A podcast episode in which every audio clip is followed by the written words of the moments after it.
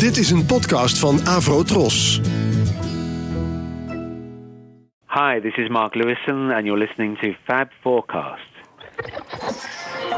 Ladies and gentlemen, The Fab Four. Fab Four. John, Paul, Fab Four. George, Ringo.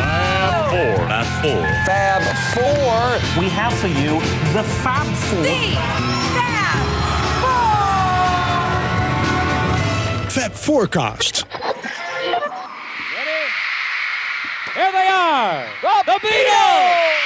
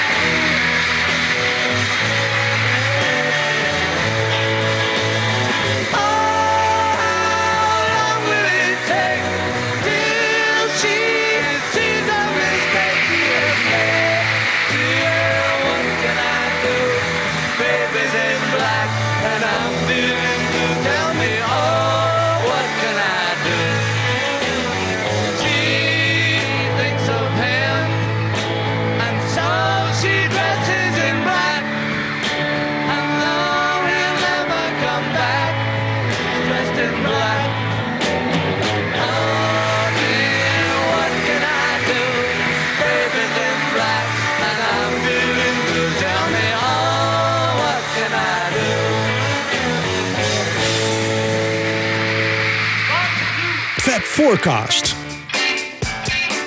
Hello, listeners.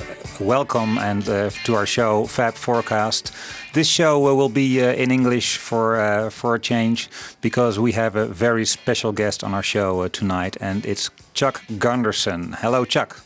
Hey guys, how are you doing? It's great to be on your show. I look forward to uh, the conversation. Okay, I've I've talked about your book uh, in a previous show actually, and uh, well, uh, maybe some of our listeners forgot, or they might even not have the book, which is also a possibility. Uh, but the book is called "Some Fun Tonight: The Backstage Story of How the Beatles Rocked America: The Historic Tours of '64 up till '66," and it comes in. Uh, a, well, it's quite a large book actually, two books even, and it's just an amazing wealth of information uh, on all the Beatles tours that they did. Uh, you really went into a lot of research, I think. And can I um, can I just ask you wh what gave you the idea to to write a book on the American tours? Well, I think the idea came from Mark Lewisohn's book, The Beatles Live, uh, one of his first books that he ever did.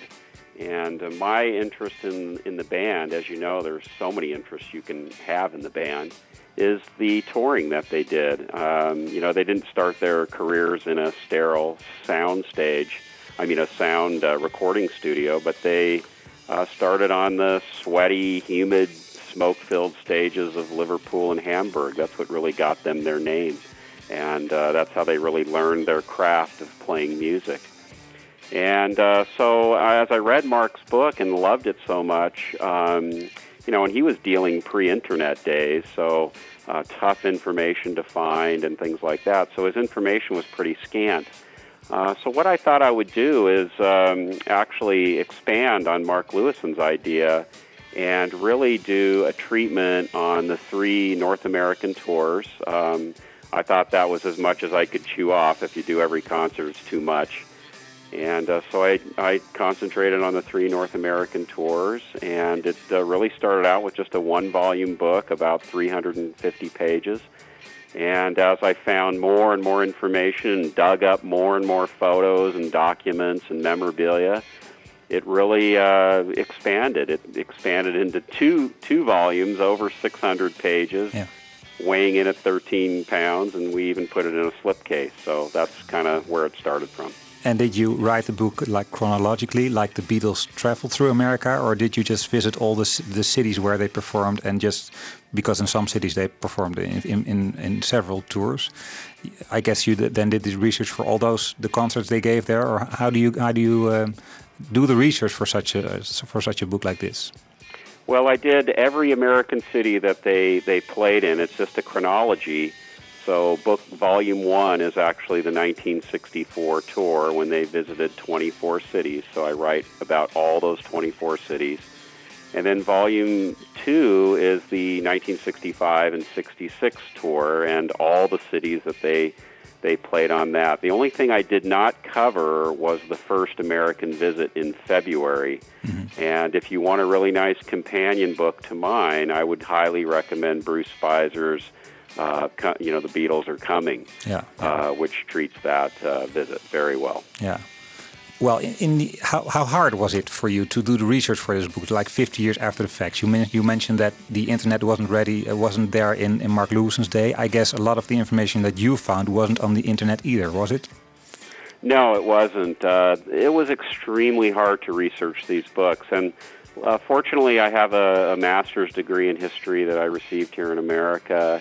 I'm a historian, um, so it was something that really interests me. I'm a huge Beatles fan, and so everything was the perfect storm for me to create this book. But wow, finding the information and corroborating the information, making sure it was correct, was a daunting task, and it took me over eight years to assemble everything, um, to get the stories straight, to do the interviews. I did hundreds and hundreds of interviews uh, with the promoters, the DJs, the you know the Beatles inner camp, the um, you know the fans, the photographers, the uh, GAC that helped organize the tour. I mean, just hundreds, and I'm so glad I did those because a lot of those people now are, have passed on, have, have passed away. Um, finding the photos was incredibly difficult. Um, and of course, the memorabilia, the, and the documents, and the legal uh, contracts and things like that. So, yeah, it was a very daunting task, and I'm really proud of what I did because I accomplished what I set out to do. Yeah, you should be. This is Wibo, by the way, one of the co-hosts of the show. Uh, congratulations on your beautiful book. It, uh, it's right here in our studio. Uh, you should be proud of it. Uh, my, uh, I, I wondered, did you ever attend a Beatles concert yourself? I wished I did. Actually, today is the 50th anniversary of when the Beatles played San Diego's Balboa Stadium on August 28th, 1965. And that's my hometown. That's where I grew up. And as a matter of fact, on that date, I was only three years old. So Ah, I missed that show. Ah, your parents didn't bring you. No, they weren't cool enough, I guess. okay. So, but if there's one one concert that you could have attended, like traveling in a time machine, which which concert of those three tours would you have liked to attend most? That's a really difficult question to answer, but if I, it's really a toss-up between Shea Stadium 1965, just because of the spectacle of the thing. But I think if I were to travel back in a time machine, it would have to be the first show, 1964, at the Hollywood Bowl. I mean, that is Okay. Just an iconic venue, and it would have been great to see the, the Fab Four there. Okay, well, we'll uh, talk about that show, of course, uh, for the next hour. Um, well, in the book, uh, in the beginning of your book, you sum up just how massive the Beatles 64, 64 tour was. Huh? In short, uh, 32 shows in 26 venues in 24 cities in just 33 days. It's just uh, amazing figures, just in such a short time. And it must have been like a, a killing working regime, I guess. Um, you al you already mentioned the uh, the uh, GAC, the what is it? Uh, the, the abbreviation for uh, the General Artists uh, Corporation. Yeah, General. Can, can you explain a little bit how the organization of a concert went? What was the role of GAC and how did the, uh, the contacts with uh, Brian Epstein go? And what was the role of promoters in each city? Sure. So, um, you know, Brian was very adept to touring in the UK and, and the surrounding area, but when it came to coming to America, it was a whole different animal. And so Brian fortunately met a man in uh, when the Beatles did the string of shows in Paris in 1964, and his name was Norman Weiss. And Norman Weiss uh, was the vice president of a company in New York called General Artist Corporations. They were a New York-based uh, talent agency. And uh, basically, Norman told Brian when the Beatles come to the States, because he knew they were coming for the Ed Sullivan shows, he said, let's meet and talk, and let's talk about maybe a follow up tour. And so, after the heels of the successful Ed Sullivan shows, Brian met with Norman, and that's where they kind of discussed the uh, bringing the Beatles back to the 1964 uh, for the summer tour. Um, Brian was really a great manager, and he did a great selection in in in selecting GAC. I think they were the perfect uh, talent agency to do this massive tour. They were so, also the biggest talent agency at that moment, or were there any other big agencies that were also uh, a candidate for, for organizing a tour like this? Oh yeah, the William Morris Agency was as big as GAC, and I think the William Morris Agency was probably competing for that as well. But I think it was because of that relationship that Brian had with Norman when he met him in Paris. Mm-hmm. Uh, Brian was one of those guys, as if as if you know you met that if you met him, you know, and talked with him and and trusted him, you know, he would reward you. And uh, I think Norman's time with Brian in Paris really helped because mm-hmm. when they came back, um, in February to do the Sullivan shows, um, it was great to reunite with Norman. And uh, so they um, decided at that point that uh, GAC would represent the Beatles in North America. And Brian signed a contract with GAC uh, for them to help book the tour, to help find the venues, to, to meet with the promoters, to get the supporting acts, to get all the hotels, the air transportation, and everything. Mm. And um, so GAC wanted 10% of the Beatles' ticket sales, and Brian said, no, you're not going to get 10%, you're going to get 5%. And uh, so they agreed and signed the contract, and then GAC went to work on finding the venues for the 64 tour. Okay, but that uh, okay, then you find the venues, but then you still have to get the promoters in each each city. Is that right? Yes, well, the promoters were lining up. Once they knew, once GAC put the word out that the Beatles were coming back to America in the summer of 1964, the promoters were lining up. They couldn't wait to get their hands on them. And uh, so GAC actually had a list of cities uh, where promoters resided that wanted a shot at the Beatles. But still, there was a, a special story attached to the Hollywood Bowl concert because there were well, quite a big California promoters. Uh, I think their names were uh, Robin, Lou Robin, and Alan Tinkley. They would have wanted to promote it, but they uh, they eventually refused. Why did they refuse? Yeah, that's an interesting story. So, when GAC was trying to select a promoter for the Hollywood Bowl shows, because Brian did want to play the Hollywood Bowl, he had actually been offered the Los Angeles Coliseum that sat 80,000 people in 1964. And fortunately, Brian, being the astute manager he was, turned that down. He he wanted to select venues in 1964 that were much smaller, uh, more mid-range. He didn't want the Beatles playing to large houses where they could potentially be half occupied.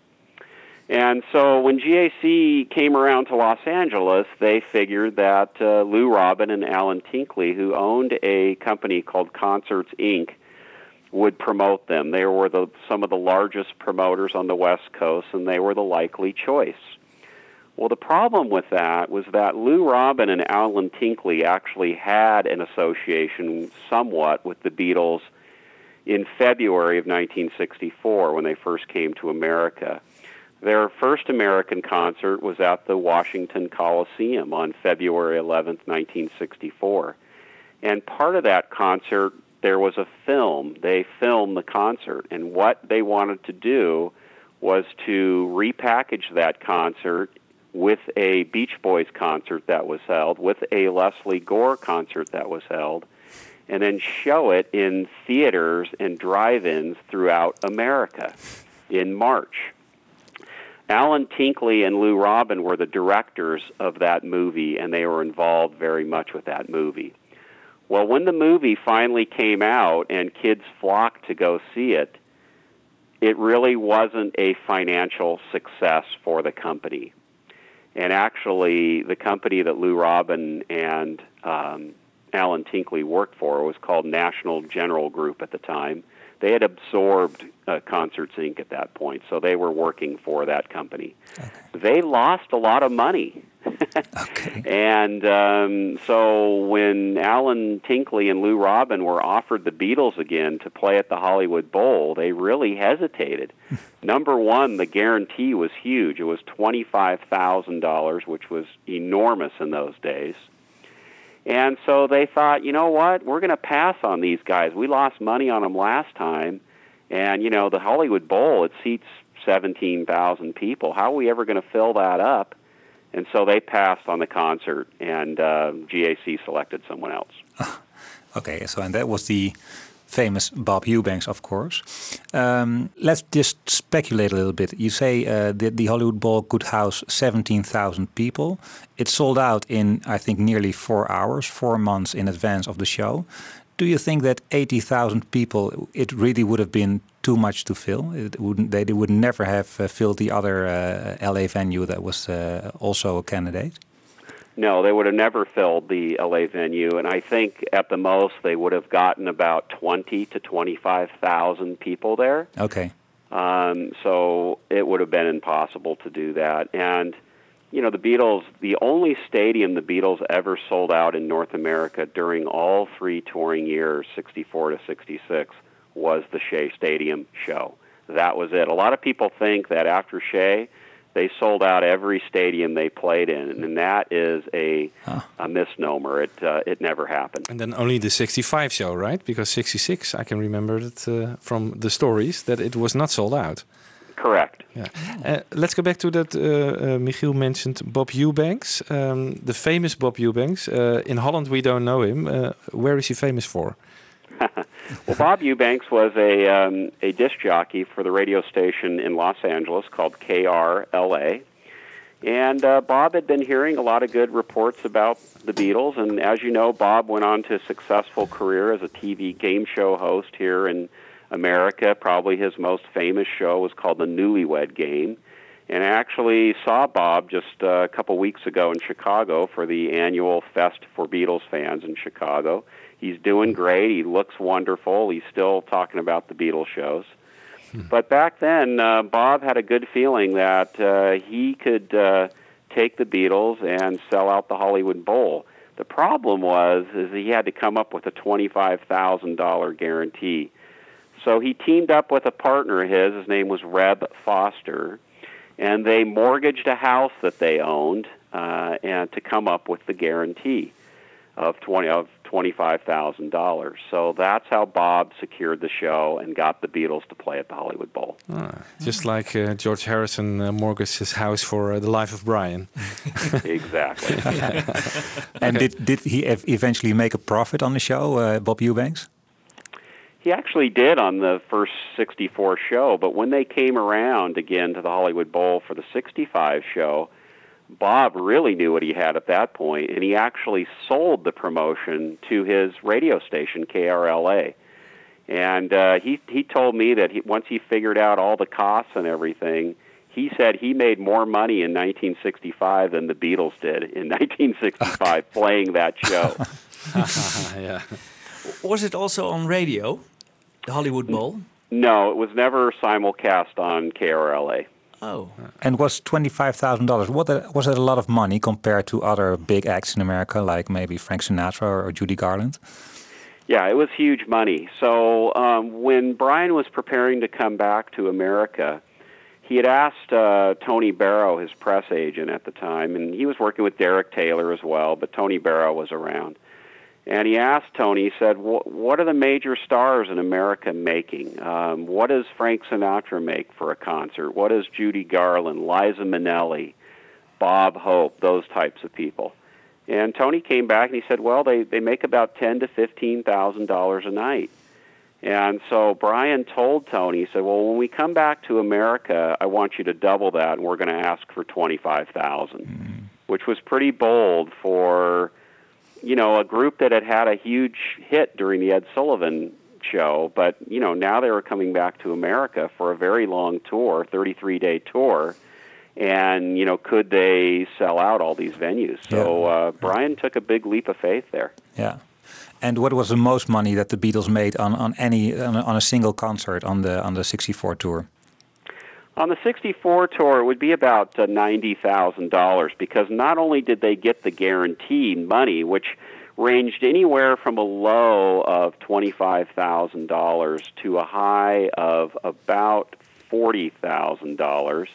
They also got a percentage of the gate, which was about between sixty to 70% of the gate. So when you add all that up, the Beatles were walking away with an average of anywhere from 50,000 to 90,000 if they did two shows that day. Okay. So they were making pretty good money for a 30-minute concert. I think I thought you would mention the uh, the Kansas City show because they made I think one hundred and fifty thousand dollars on for one single concert. Well, that was a very special show because Kansas City was not on the initial schedule, and uh, Charlie Finley, who owned a baseball team in Kansas City and was also a very successful insurance agency, uh, had some teenage daughters, and those daughters kept bending his ears about bringing the Beatles to Kansas City, along with other uh, people. And Kansas City was kind of a mafia town as well. And I think uh, some of the mob wanted to please their daughters as well by bringing the Beatles, and I think they probably threw in a little money to Charlie's way. Okay. But uh, you Charlie, don't write about that in your book, I think, but uh, or do you? Yeah, yeah. It's uh, it's kind of new information that I've found, but uh, you know, this information keeps coming out, and people contact me, and you know all okay. this stuff. But yeah. I kind of I I kind of lend a lot of credence to it because you know Kansas City was a mob-run town yeah. back in the '60s, and it would have been um, pretty plausible for them to add a little money to this show. But he hounded Brian Epstein as soon as the um, the Beatles got to San Francisco and started their tour about the Beatles coming to Kansas City, and Brian kept rebuffing him uh, all the way until when they played the Hollywood Bowl, and uh, he finally said, "Look." I'm going to write out a check for $150,000. That was five times over the guarantee to get the Beatles to come to Kansas City. Well, that got Brian's attention. Yeah. And he went in and asked the group. Uh, they were scheduled for a day off that day in New Orleans. He said, "Look, we just uh, got an offer for one hundred fifty thousand dollars. What do you want me to do with it?" And they said, "Take it." Yeah. So uh, September seventeenth, they they played at Kansas City Municipal Stadium, and uh, Charlie Finley not only lost money on the show, but his daughters had a great time. Everyone had a great time and there's still a couple mysteries that surround that show. Okay. What what kind of mysteries? Well, the first mystery is did the Beatles play open up the show with the song Kansas City? I have seen some tour programs where the fans wrote that in into their to- their tour program, and I've seen others where they started with Twist and Shout and mm. they never did play Kansas City. Mm. Uh-huh. We don't have a tape of the show, and uh, so I'm uh, been hoping to find a bootleg somewhere that will surface someday. Yeah, so really, no one, will, uh, no one remembers that. Yeah, I find that hard to, to believe. Played, yeah, prove yeah. to us that they played Kansas City. Yeah. Yeah. and no newspaper mentions or something. You should think that somebody no, somebody no must remember mentions. it. No, no, okay, That's weird. What, what was the price of a, of a ticket? Was it everywhere the same, or? Well, Char- Charlie Finley had the highest price tickets because he had to make up a lot of that guarantee. His yeah. his price was eight dollars and fifty cents for the best seat in the house. Yeah. But the average ticket price in 1964 to see the Beatles was four dollars and fifty cents. And as a matter of fact, if you went to the Forest Hills concert in New York, where the tennis stadium was, yeah. you could see the Beatles for one dollar and ninety-five cents. Whoa! Let's get that time machine. Yeah. yeah. Whoa. Well, the the size of the tour and the money the Beatles were making, we we spoke about that. It was unprecedented uh, in music business. Um, experienced as he was in managing the Beatles uh, concerts, uh, what is your opinion of how how Brian de dealt with the uh, with the promoters and the and the contracts? Uh, what what what type of businessman was Brian? Well, I love Brian, and Brian gets a pretty bad rap in some of the Beatles circles about some of the deals he made and all that. But uh, he was an honorable guy. Um, he honored contracts even in the UK after the Beatles had really made it big, and he had uh, kind of gone ahead and scheduled some dates for some money that was pretty low, and uh, he honored those dates, which is really impressive to me. Um, here's a guy who, um, you know, he's a gay man. He's uh, living in a port city, at a dirty port city named Liverpool, and um, he's just such, you know, he's telling the Beatles that they're going to be bigger than Elvis. Yeah. And all of that came true.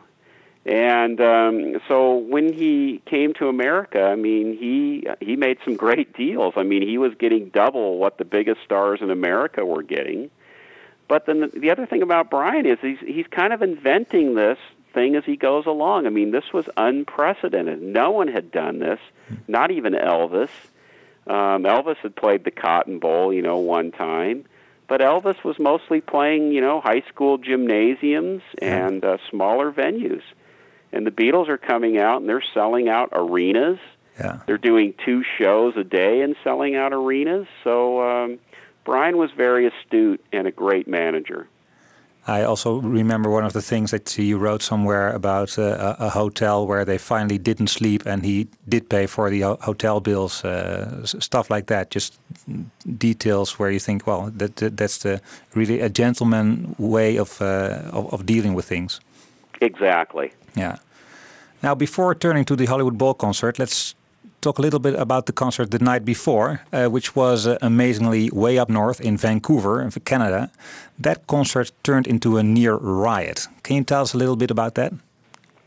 Well, they had played Seattle the night before, and they had a little snafu because when they left Seattle to fly up to Canada, uh, you know, it's a different country, and uh, there were some paperwork in terms of their passports that were not completed, and so the plane had to turn around and come back to Seattle and get all those uh, all the paperwork properly done so that the plane could fly to Seattle or to Vancouver. And so they they fly into Vancouver. They uh, get into a motorcade. They had not eaten anything to that point, so they actually the motorcade stopped at a local drive-in, if you could believe it. It was called King's, and ordered a bunch of hamburgers and shakes and things like that to feed them. So if you can imagine a big long motorcade pulling into a local driveway uh, drive-through with the Beatles sitting there eating hamburgers. Yeah. And uh, their gig that night was at Empire Stadium in in Vancouver, and and and interestingly enough, Empire Stadium is actually the first stadium the Beatles played in North America. Uh, I know Mark Lewis and I have talked about this. You know, he says, "Well, you know, Shea Stadium is a real stadium." Okay. And I said, well, no, it's uh, you know Empire Stadium is as, as much a stadium as Shea Stadium, and there's just less seating. Uh, but they did not sell out Empire Stadium, and interestingly enough, they had field seating, which a lot of outdoor concerts the Beatles played in stadiums, field seating was not allowed. Like Shea Stadium, I guess. Uh, Exactly. Yeah. yeah. And Vancouver allowed field seating. So, you know, they had a lot of barriers up and things like that. But once the Beatles got on, it just turned into a chaotic event. Um, there's photos in my book of the fans crushing up against the, the police barriers, metal barriers. There were gates coming down, um, people running all over the field. Uh, it was just literally a riot. And afterwards, there was a picture that I heard about. I've never found it though, but I've heard about it of a eerie picture of tennis shoes stacked up on the field of girls that had lost their tennis shoes, you know, in trying to get to the stage and in the melee that happened with that event. Yeah. There is some uh, recording from that uh, that uh, concert, isn't there? From the Vancouver concert, yeah. Yes, and you can really hear that the Beatles are. It, well, I mean, it, it was a short set, but it was even shorter that night, I think. And you can really also hear it in the songs, like things we said today. It's it's really becoming quite a mess, uh, and you really sense that Paul McCartney isn't like really uh, trying to to to get the crowd going, so to say. Exactly. Sometimes the Beatles joked that they could try to finish the set in 25 minutes. Okay. Uh, they averaged about 35 to 40 minutes. Uh, but sometimes they were really rushed. Now, sometimes uh, in a lot of cities, the concerts were stopped, especially in Vancouver. Uh, Red Robinson, the DJ, came on stage and tried to uh, quiet the crowd and keep them in order. Uh, Cleveland, they stopped the show there. Um, there were several cities where they had to regain order again. Okay, well, we've talked a little bit about the uh, the pre-Hollywood Bowl uh, uh, aspects of the uh, of the show. Let's now uh, just play uh, some music. Uh, we thought about "You Can't Do That."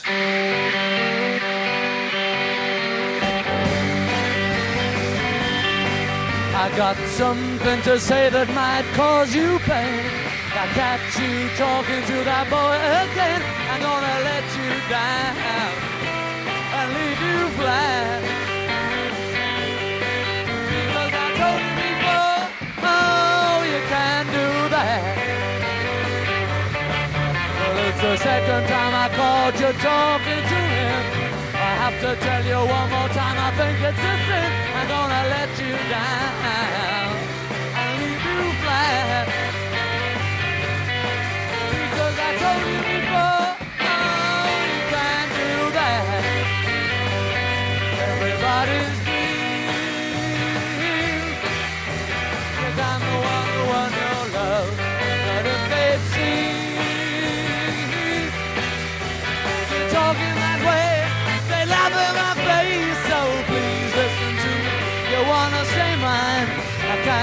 My feelings. I go out of my mind. I'm gonna let you down and leave you flat.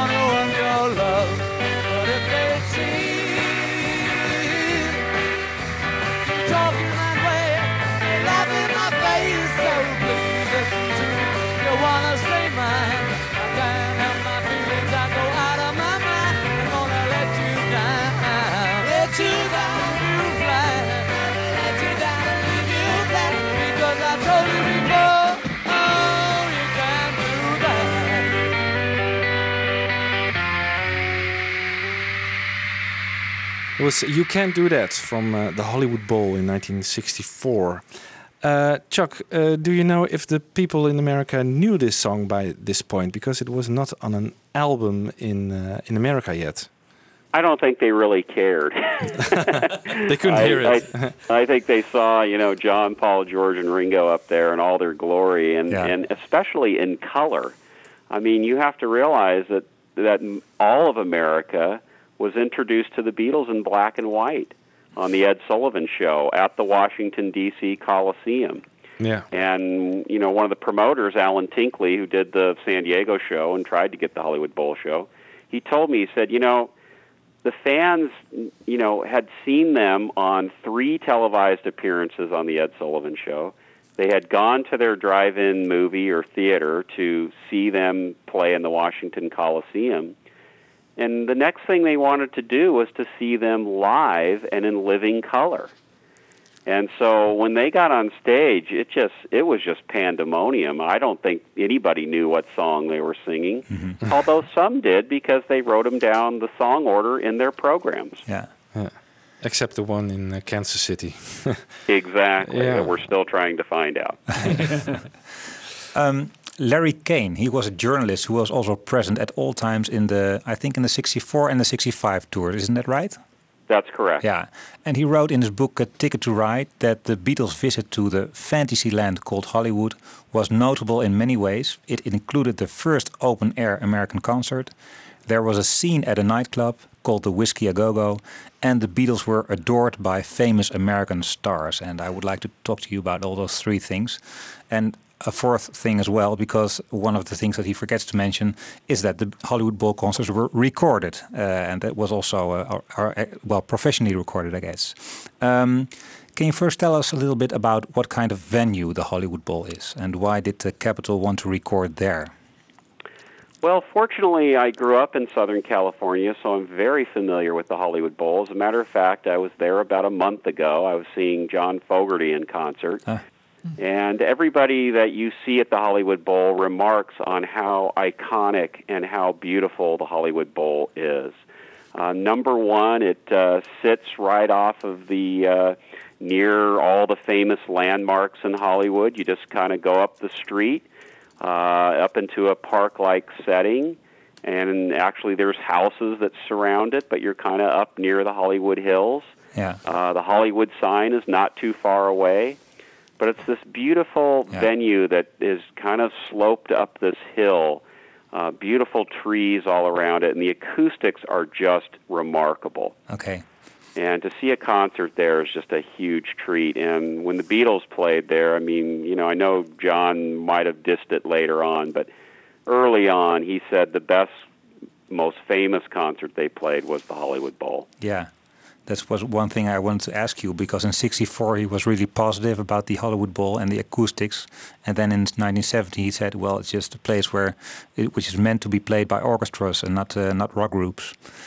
But you well, think, I've seen rock groups there, and I've seen orchestras there, and they both sound fantastic. yeah, yeah, yeah. Is it because of the the shell that's on the stage, like a shell shaped? Yes. Kind of hall, Yeah. yeah. I remember I went and saw The Who there.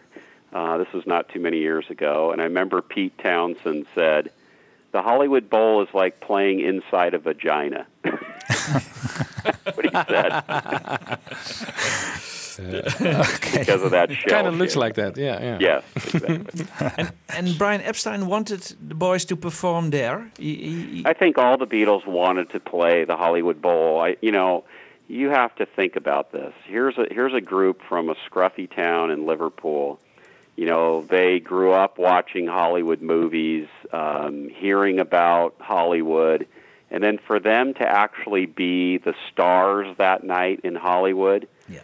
If they had an opportunity to play there, that is definitely something they're going to pick. And as as I mentioned before, you know, Brian could choose. He was given a list by GAC of all these venues to choose from. And in LA, you know, he had the LA Coliseum, and that is in itself an iconic venue. I mean, the Olympics were held there, um, you know, and uh, 80,000 seats, and any money grubbing manager would die for for an offer like that. But Brian really cared about his boys. He really cared about the music. He really cared about their image and he said he'd rather book him at a more uh, intimate setting at the Hollywood Bowl. But for them, that was uh, just like going, dying, and going to heaven to play on that iconic stage. Yeah. And it's just like they wanted to see Las Vegas. And they knew that stage from. Uh, they were boys from England. I- Was it a famous place all over the world? The Hollywood Bowl. I'm not sure they knew so much about the venue, but I do know that they knew a lot about the city, Hollywood, Hollywood, and, the, of course, and the place, Hollywood. yeah. yeah. I mean, that's that's where everybody, you know, uh, became famous. Yeah. Is it next to the um, Capitol Records Tower? Is that true or close by? Yeah, it's very close by. Um, if you ever go to LA and do a Beatles tour there, um, many of the things that the Beatles did there are very close by. The Capitol Records building, the Hollywood Bowl, uh, George's, uh, uh, you know, AM, A&M Records is right around the corner. Um, you have all the three homes that they stayed at during the three tours. They're they're all within close range there. Yeah. And was it for Capitol to record the show in the Hollywood Bowl? Uh, was the proximity of their uh, headquarters uh, a role in it, or just the acoustics? You think? I think just the acoustics. I mean, I think what they really wanted to do was record the Beatles at the at the Carnegie Hall concerts in February. Yeah. But because of some legal uh, issues there, that couldn't happen. And so George Martin looked for an appropriate venue and felt that the Hollywood Bowl would be appropriate since it was an outdoor venue. Um, it was by Capitol Records, so it'd be convenient. Yeah. And uh, that's why it was chosen. But uh, to try to record that concert was just nearly next to impossible. And was George Martin there in person to record it, or do you know? Yes. Yeah. Okay. He was. Yeah, he um, he was there, and he also hit some other venues. Um, I know he was at uh, the Denver show when they played at Red Rocks, which is another outdoor amphitheater venue. Only sat about nine thousand people, and uh, so yes, he definitely got a dose of uh, Beatlemania. And the original plan was, I guess, to uh, to make a separate album of the '64 Hollywood Bowl show, a, a live album. Is that true? Because of course later on they uh, added uh, tracks from the '65 shows. But was the original plan to make a single album of the '64 show? Yes, that was the original plan, but when they got it back into the studio and started listening to it, there were problems with crowd noises, there were problems with mics not working. Um, so sometimes Paul's vocals would go out, or or George's, or John's, or you couldn't hear Ringo's drumming, and so they had all kind of different problems with that. Yeah. And that's why they decided to come back in 1965 and try to sweeten everything up, and then they finally released it in 1977. Okay, let's. And they recorded on three tracks. I believe so. I'm not a recording expert, but I think they did on three tracks. Because that's not much. I think uh, Capitol recorded also four track, but uh, I think they used three tracks. Yes, that's correct. I think, but uh, one uh, mic for the for the audience. for the audience. I don't That know would- why they did that. but- Yeah, that would definitely be a question for Bruce Spizer. Okay, yeah. okay, okay. we'll ask. We'll call Bruce. But there weren't illegal of legal problems uh, uh, like in uh, Carnegie Hall. Uh, I thought it had, had something to do with the unions, or Correct. Yeah, the musicians union and different things like that. So they they That actually got everything clear for the Hollywood Bowl. I actually have a lot of the documents uh, from that show, and as I've poured through them, I've I've seen all the legal clearances that they had to go through to get the show recorded. yeah. Shall we play another song? Uh, and you demanded, "I want to hold your hand."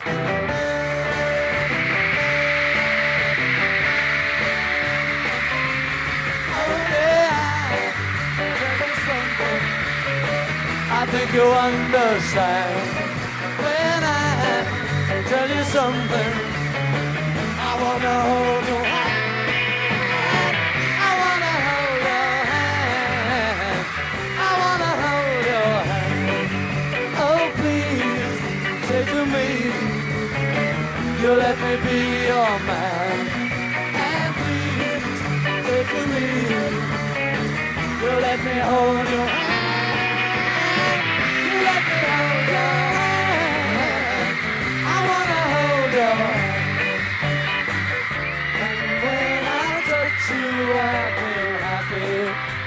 Inside. It's such a feeling that my love I can hide, I can hide, I can hide. Yeah, you got that something. I think you understand when I feel that something. I wanna hold your hand.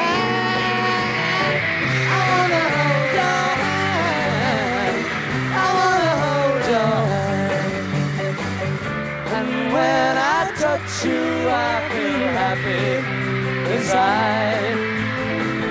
It's such a feeling that my love I can hide, I can hide, I can hide. You something. I think you understand when I feel that something. I wanna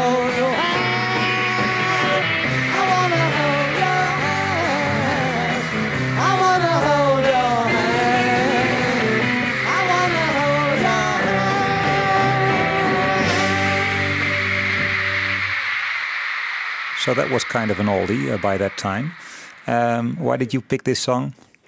Well, I mean, come on! I want to hold your hand. Yeah. That was uh, that was the thing that kicked them off here in America. Yeah. Uh, when that when that thing hit in February, I mean, it just unleashed everything. Yeah.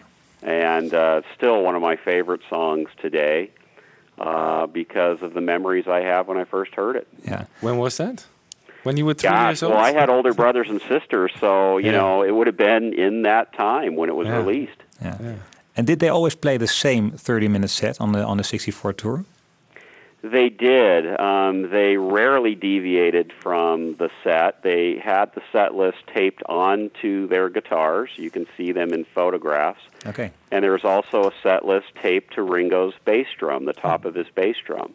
So they knew where they were at. So, uh, but no, they, you know, never deviated. No. And again, we're still trying to find out if they did that Kansas City song. And there was also at every concert the same pre-show. Correct. Yes. In 1964, um, you uh, had to sit through several support acts before the Beatles closed out the show with their 30-minute set. So, in 1964, you had the Bill Black combo, which uh, did not feature Bill Black. He was sick at the time. He was replaced by Reggie Coleman. Bill Black was Elvis's bass player. Uh, they had great respect for him. And then you also had the Righteous Brothers. Now, the Righteous Brothers, uh, they quit uh, several dates into the tour. Um, they uh, played up until the New Jersey show, the Atlantic City show, on August 30th, and then Clarence Frogman Henry took over for them in Philadelphia on September 2nd, and he finished out the tour. Then there was an African American group called the Exciters. They had a huge hit with Tell 'em, and also the beautiful Jackie DeShannon. It wasn't really an enviable position to be in, uh, is it? Was it to be in a pre-show of the Beatles? No, it was uh, terrible because uh, the whole time it was uh, you know chance for the Beatles to come on stage, and as a matter of fact, um, the Righteous Brothers uh, really got fed up with it because uh, here's two guys that sang very soulful duos.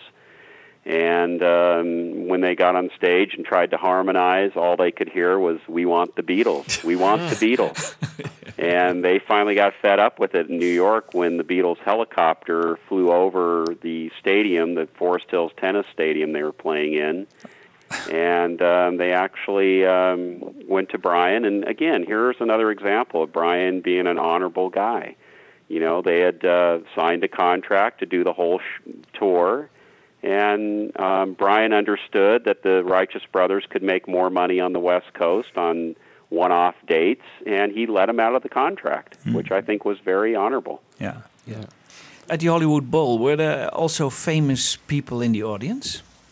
Oh yeah, there was there was Yeah. lots of famous people in the audience. I mean, that was the place to be seen. Yeah. As a matter of fact, in 1965, when they returned there, I actually uh, in the book there's a list, a, a handwritten list of all the famous people that wanted tickets. So, you know, on that list is Sonny Bono, Hugh Hefner, uh, and actually there's a request by Frank Sinatra's office and he wanted 50 free tickets, and in parentheses it said the best in the house. and did he get them? Oh, I'm sure the chairman of the board got anything he wanted. That's what he was, yeah.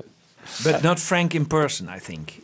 Well, uh, I'm not sure if Frank was at the 65 show, but I know anybody associated with Frank's office was because they wanted 50 seats. Now about the ending of the show, that was also always a point of attention, wasn't it? Um, Eubanks, Bob Eubanks, explicitly told John Lennon not to say that uh, "Long Tall Sally" was the last song because that would start a whole riot again, I guess. Um, and also, Bob Eubanks had thought of a sly exit plan of the Beatles with fake limousines. Can you tell us a little bit about that? Yeah, so um, Brian Epstein was very explicit with Bob Eubanks to not get up on stage and say, "Hey, this is you know uh, the Beatles are going to leave, and this is the last number, and blah blah blah blah blah." He told John Lennon, he said, "As soon as you finish that last note, just drop your instruments and run."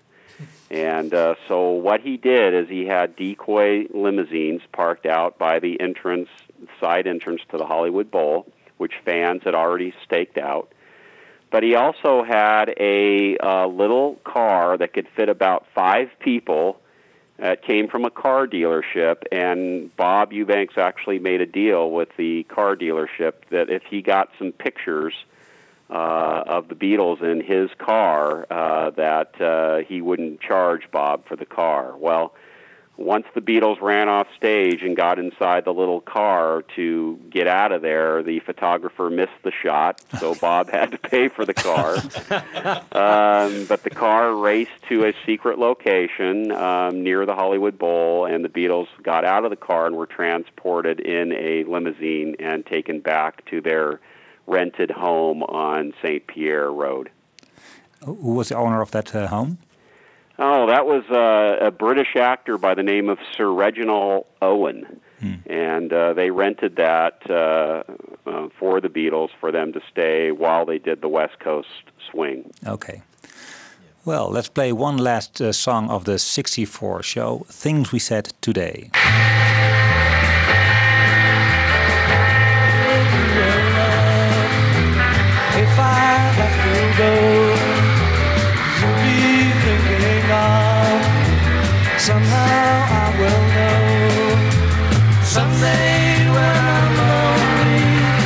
Wishing you weren't so far away, then I will remember things we said today.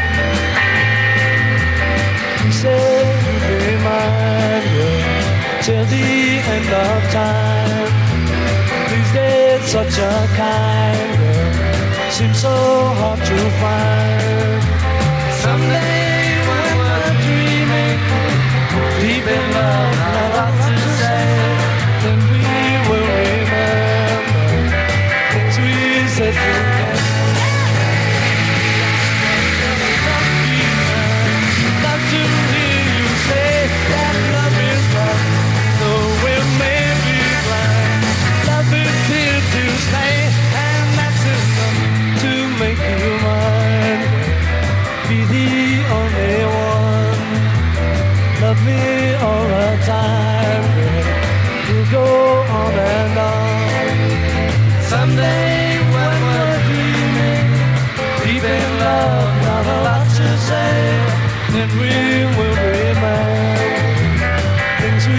We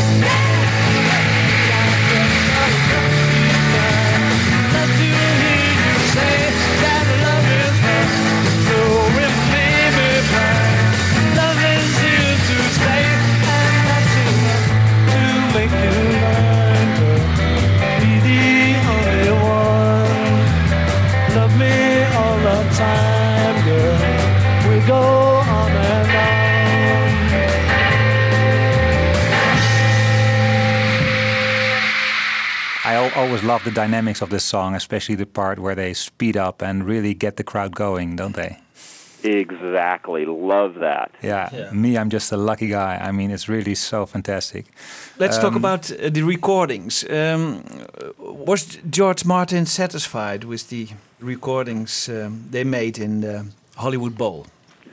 Well, he was satisfied with some of them, but obviously he wasn't satisfied with all of them because in 1965, when they came back, he said, Look, I need to record this again, and we're going to try to figure this out and try to put out an album. But as we listen now, you you could make an album of it uh, from '65 and '64 and take the best out of it. I agree with you, but I think uh, Brian really uh, wanted those standards to uh, be true and to be high and to protect his artists, and so he wanted to put out the best product he could. He, he compared it with a jet engine, the the noise, the the, the loud noise of the crying teenagers. Exactly. I mean, uh, when you went to a concert, I mean, every DJ and photographer that I talked to who were down in the pit by the stage, they said they had never heard anything like that ever in their careers. And uh, to try to um, compete with that and try to hear it was nearly next to impossible. Uh, one photographer told me that when the Beatles came out at one particular venue, he thought someone had turned all the house lights on because it was so brightly lit. And the reason for that was that every fan in that arena was taking a photo with their little brownie camera and their flash bulb. Why did they wait uh, till uh, 1977 to release it? Now that's a great question for Bruce Spizer or Mark Lewisohn. I'm Yeah. just not a recording expert. I mean, obviously, I would want, uh, you know, it, as soon as it came out, and um, but uh, I just I just don't know their their reasoning behind anything. You know No. what Capitol or Apple Records does. But you, you know, you you have a story about Eubanks and, and liner notes. Can you tell it?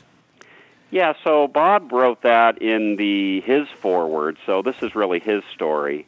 Uh, but uh, Capitol had approached him and you know said that they wanted to do the the record, and Bob said, "Well, I want to write the liner notes." And um, Capitol, uh, I think this is the story, anyways. But Capitol uh, um, said, uh, "Well, okay, you know." But then, as it came close, uh, they decided just to write. Uh, they were going to have someone else write the liner notes, and so Bob said, "Well, you're going to have to write me a big check then."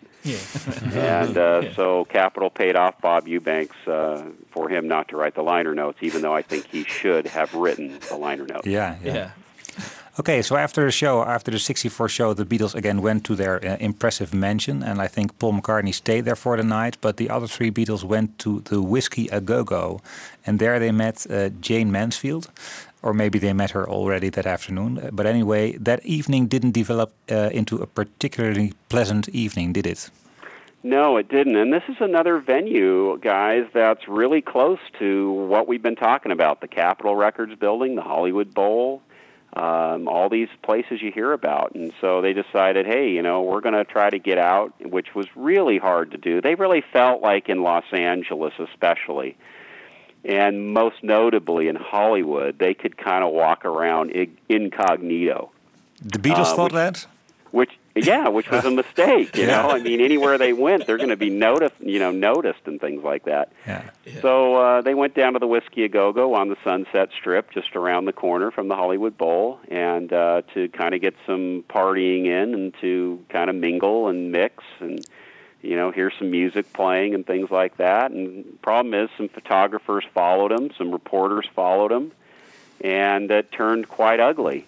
Um, John Lennon and Jayne Mansfield were trying to, you know, do their thing, and uh, that was interrupted. Um, George got so mad that he threw a drink into one of the photographers' faces, and they just left. Uh, Paul was probably the smart one because he was hanging out back at the mansion with Peggy Lipton. Who Oh, wouldn't okay. want to do that? He had a short affair with her.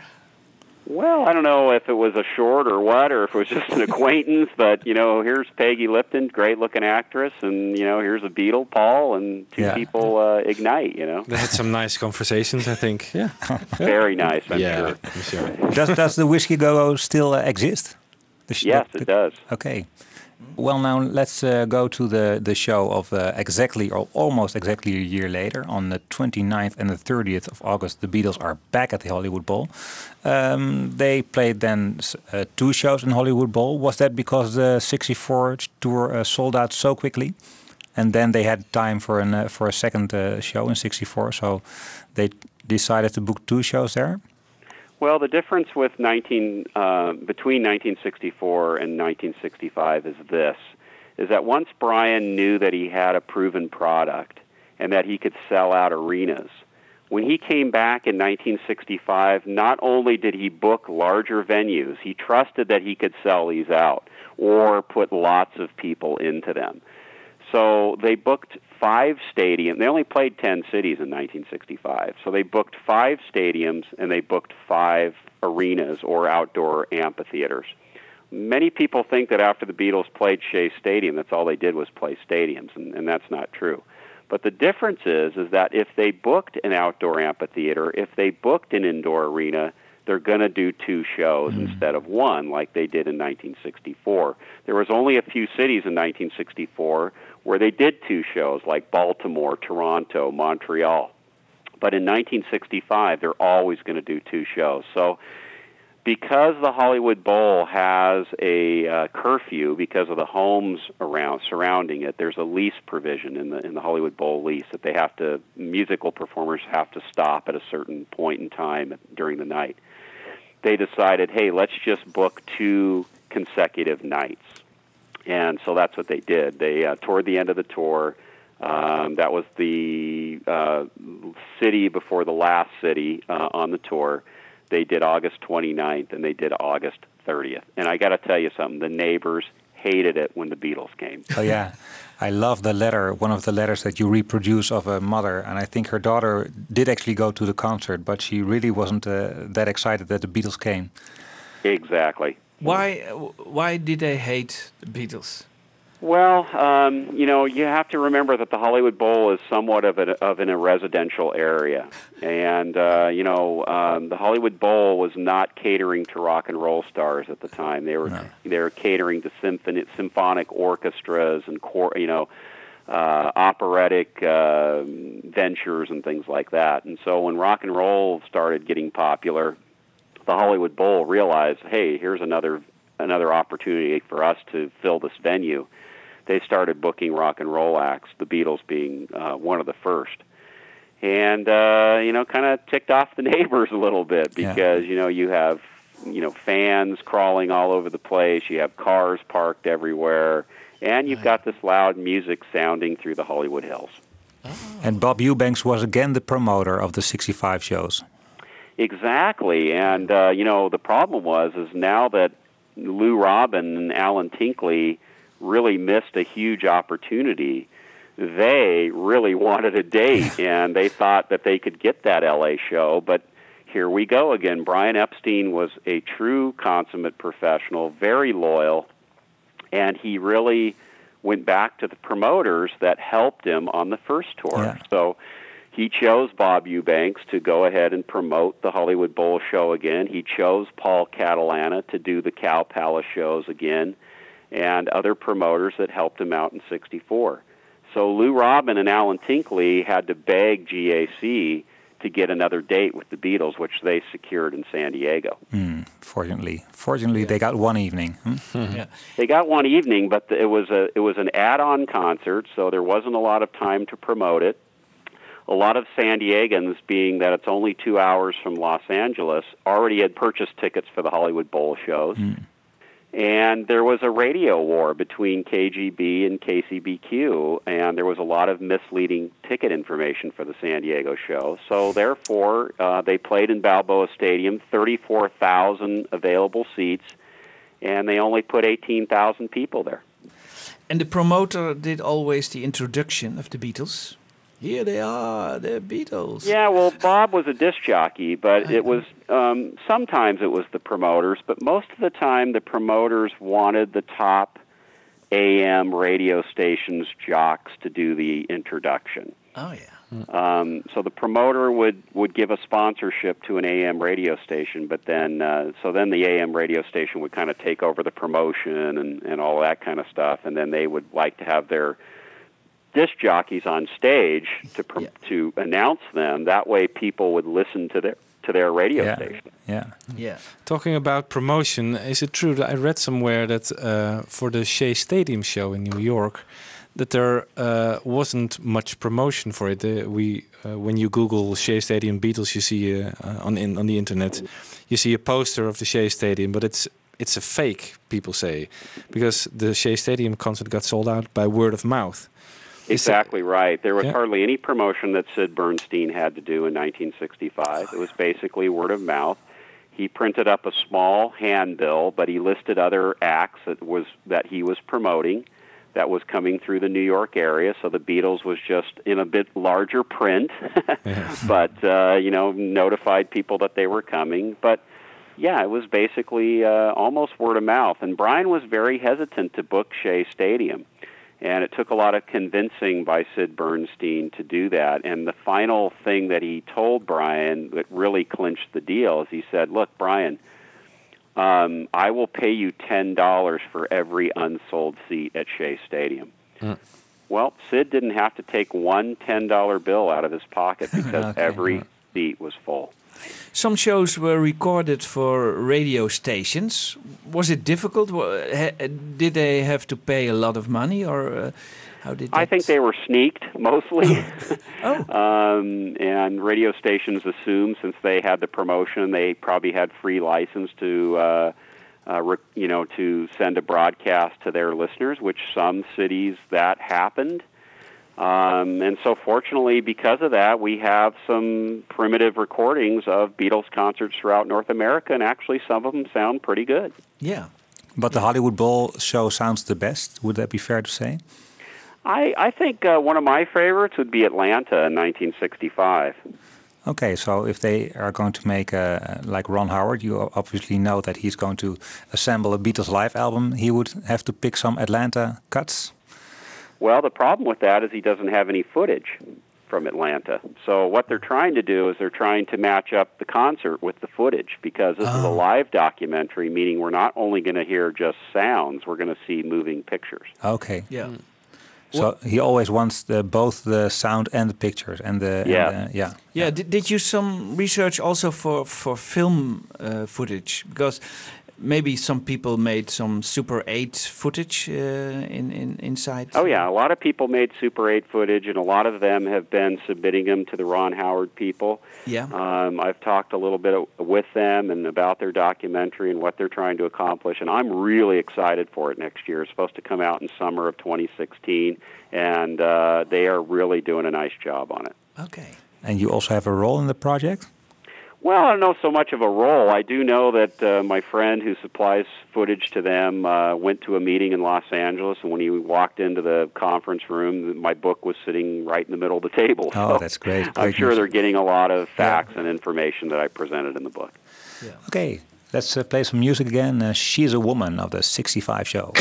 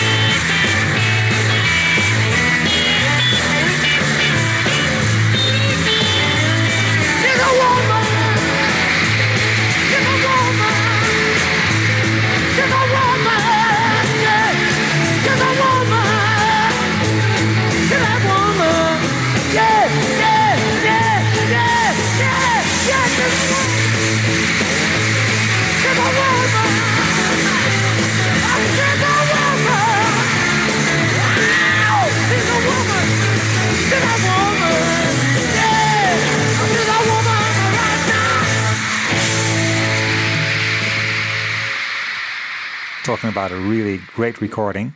Um, why did you pick that song? Oh, who wouldn't pick that song? Absolutely one of my favorite songs of all time, and especially live. Yeah, yeah. Did you get any reactions from London, from Apple or MPL, about your book? Actually, I did. Um, I, of course, I you know they helped me out with a few of the licensing things I had to do. I I know that like when I had to license the photos from Las Vegas, uh, when I talked to those people there, they said um, you're fine to use them, but you have to get Apple's approval. And I thought, oh boy, that's going to be hard.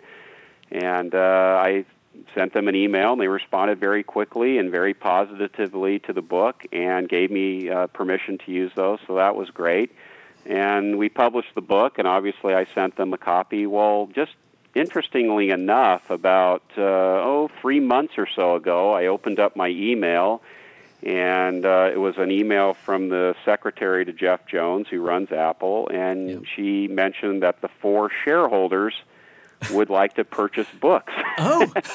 now, um, I don't think she needs to tell me who the four shareholders are, but No. I'm assuming. But she had to actually spell them out. John, I mean, uh, Paul, Ringo, Olivia, and Yoko. Okay. So I'm very honored uh, Yeah. to tell you that uh, those books are residing with the four shareholders right now. Yeah. And of course, I didn't charge them. There's no way I'm going to charge them to that. No. no, no. And Mark Lewisohn, uh, did you have any? Yeah, Mark's had some. Mark's been a great mentor through my project, and he's a real good friend of mine. Yeah. And of course, Mark has had some great uh, raves and good reviews of the book. Okay. And, And he said he'll yeah. be using it in his research for Yeah. his uh, second volume when we're all 105 years old. and he had to pay for it, right? exactly. Yes. no, I sent it to him for free as well. I think I heard him in an interview beginning in the beginning of this, this year, and he promised to be ready with part two in I think in 2020. He said Wow. that that will be amazing. Well, amazing. we'll all get in our wheelchairs and, Yeah. and ride down to the bookstore and get it. Um, okay, I think we've come to the end of the show. Um, one last question: uh, it, it almost every day. It's 50 years ago today. Um, you must be a busy man these days. Oh, exactly. I've been following the the 65 tour right now. So as as you know, yesterday was a monumental meeting. The Yeah. Beatles met Elvis, Yeah. uh, which was, you know, let's face it, guys. If there was no Elvis, there would be no Beatles. Yeah. Yeah. Uh, so let's thank Elvis for that. Um, and today they uh, motored down south in their custom, customized chartered bus, and they played San Diego's Balboa Stadium. Okay. And Elvis and and and uh, also Peter Fonda, they met.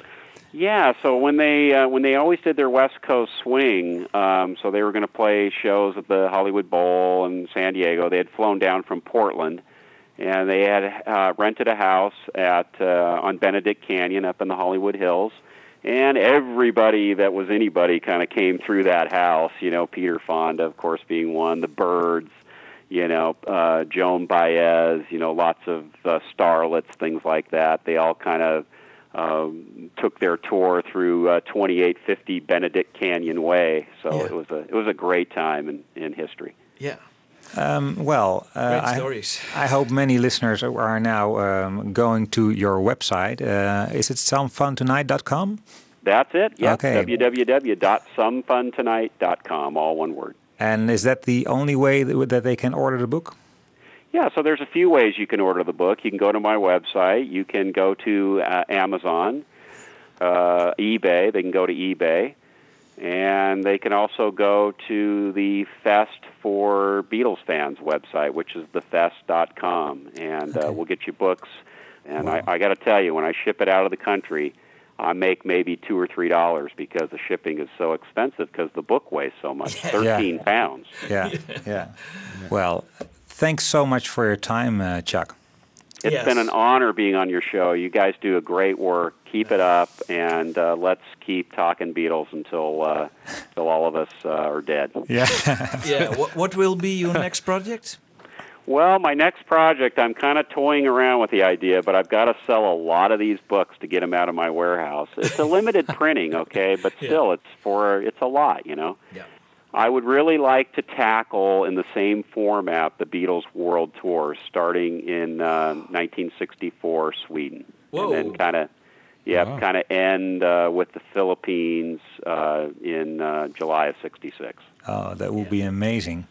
Yep. And maybe we see you in Holland in the future when you. I would love to come up there. Okay, my uh, I have a lot of family up there. I'm Oh, really? Scandinavian, obviously. Okay. Uh, I know you're a little bit further down, but um, Well, uh, when I'd you're doing your get- book on the 64 tours, you have to yeah, come I'd to love Holland. to love to do Yeah. that. So And Jan maybe Kay. I can come over to one of the uh, Beatle Beatle weekends over there. Okay. Yeah. And Jan Kees here, uh, one of the hosts, he uh, has written a book about the Beatles' visit to Holland. So uh, Oh yeah, Yeah. that would be fantastic to get information from Yeah. you. As yeah, well. You it's in Dutch, info. but Yeah, maybe Uh, in English in the future. Yeah. But uh, you Oh, can get all the information. Yeah. okay, Oh. I'd love to. Love if we do the project, you'll definitely uh, be contacted. Okay. Our last song will be now uh, I'm Down. Thanks, Chuck Gunderson, for your time. Thank you very much. Thank you so much. You tell I think and I don't see. You can't try to do nothing at me. I'm down. I'm really down. I'm down. I'm almost down. I'm down. I'm really down. Well, how can you laugh when you know I'm down? How can you laugh when you know I'm down? A man buys dream, woman throws it away. Same old thing happen every day. I'm down. I'm really down. I'm down. I'm really down. How can you laugh when you know I'm down? How can you laugh when you know I'm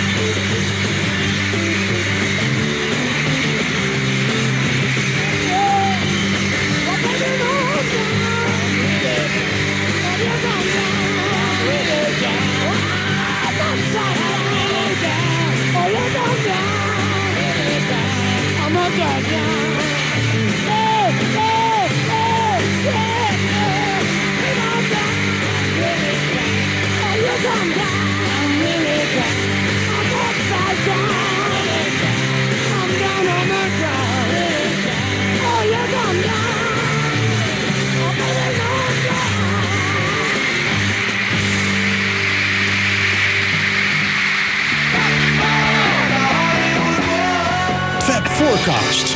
Luister ook naar Fab Forecast via beatlesfanclub.nl.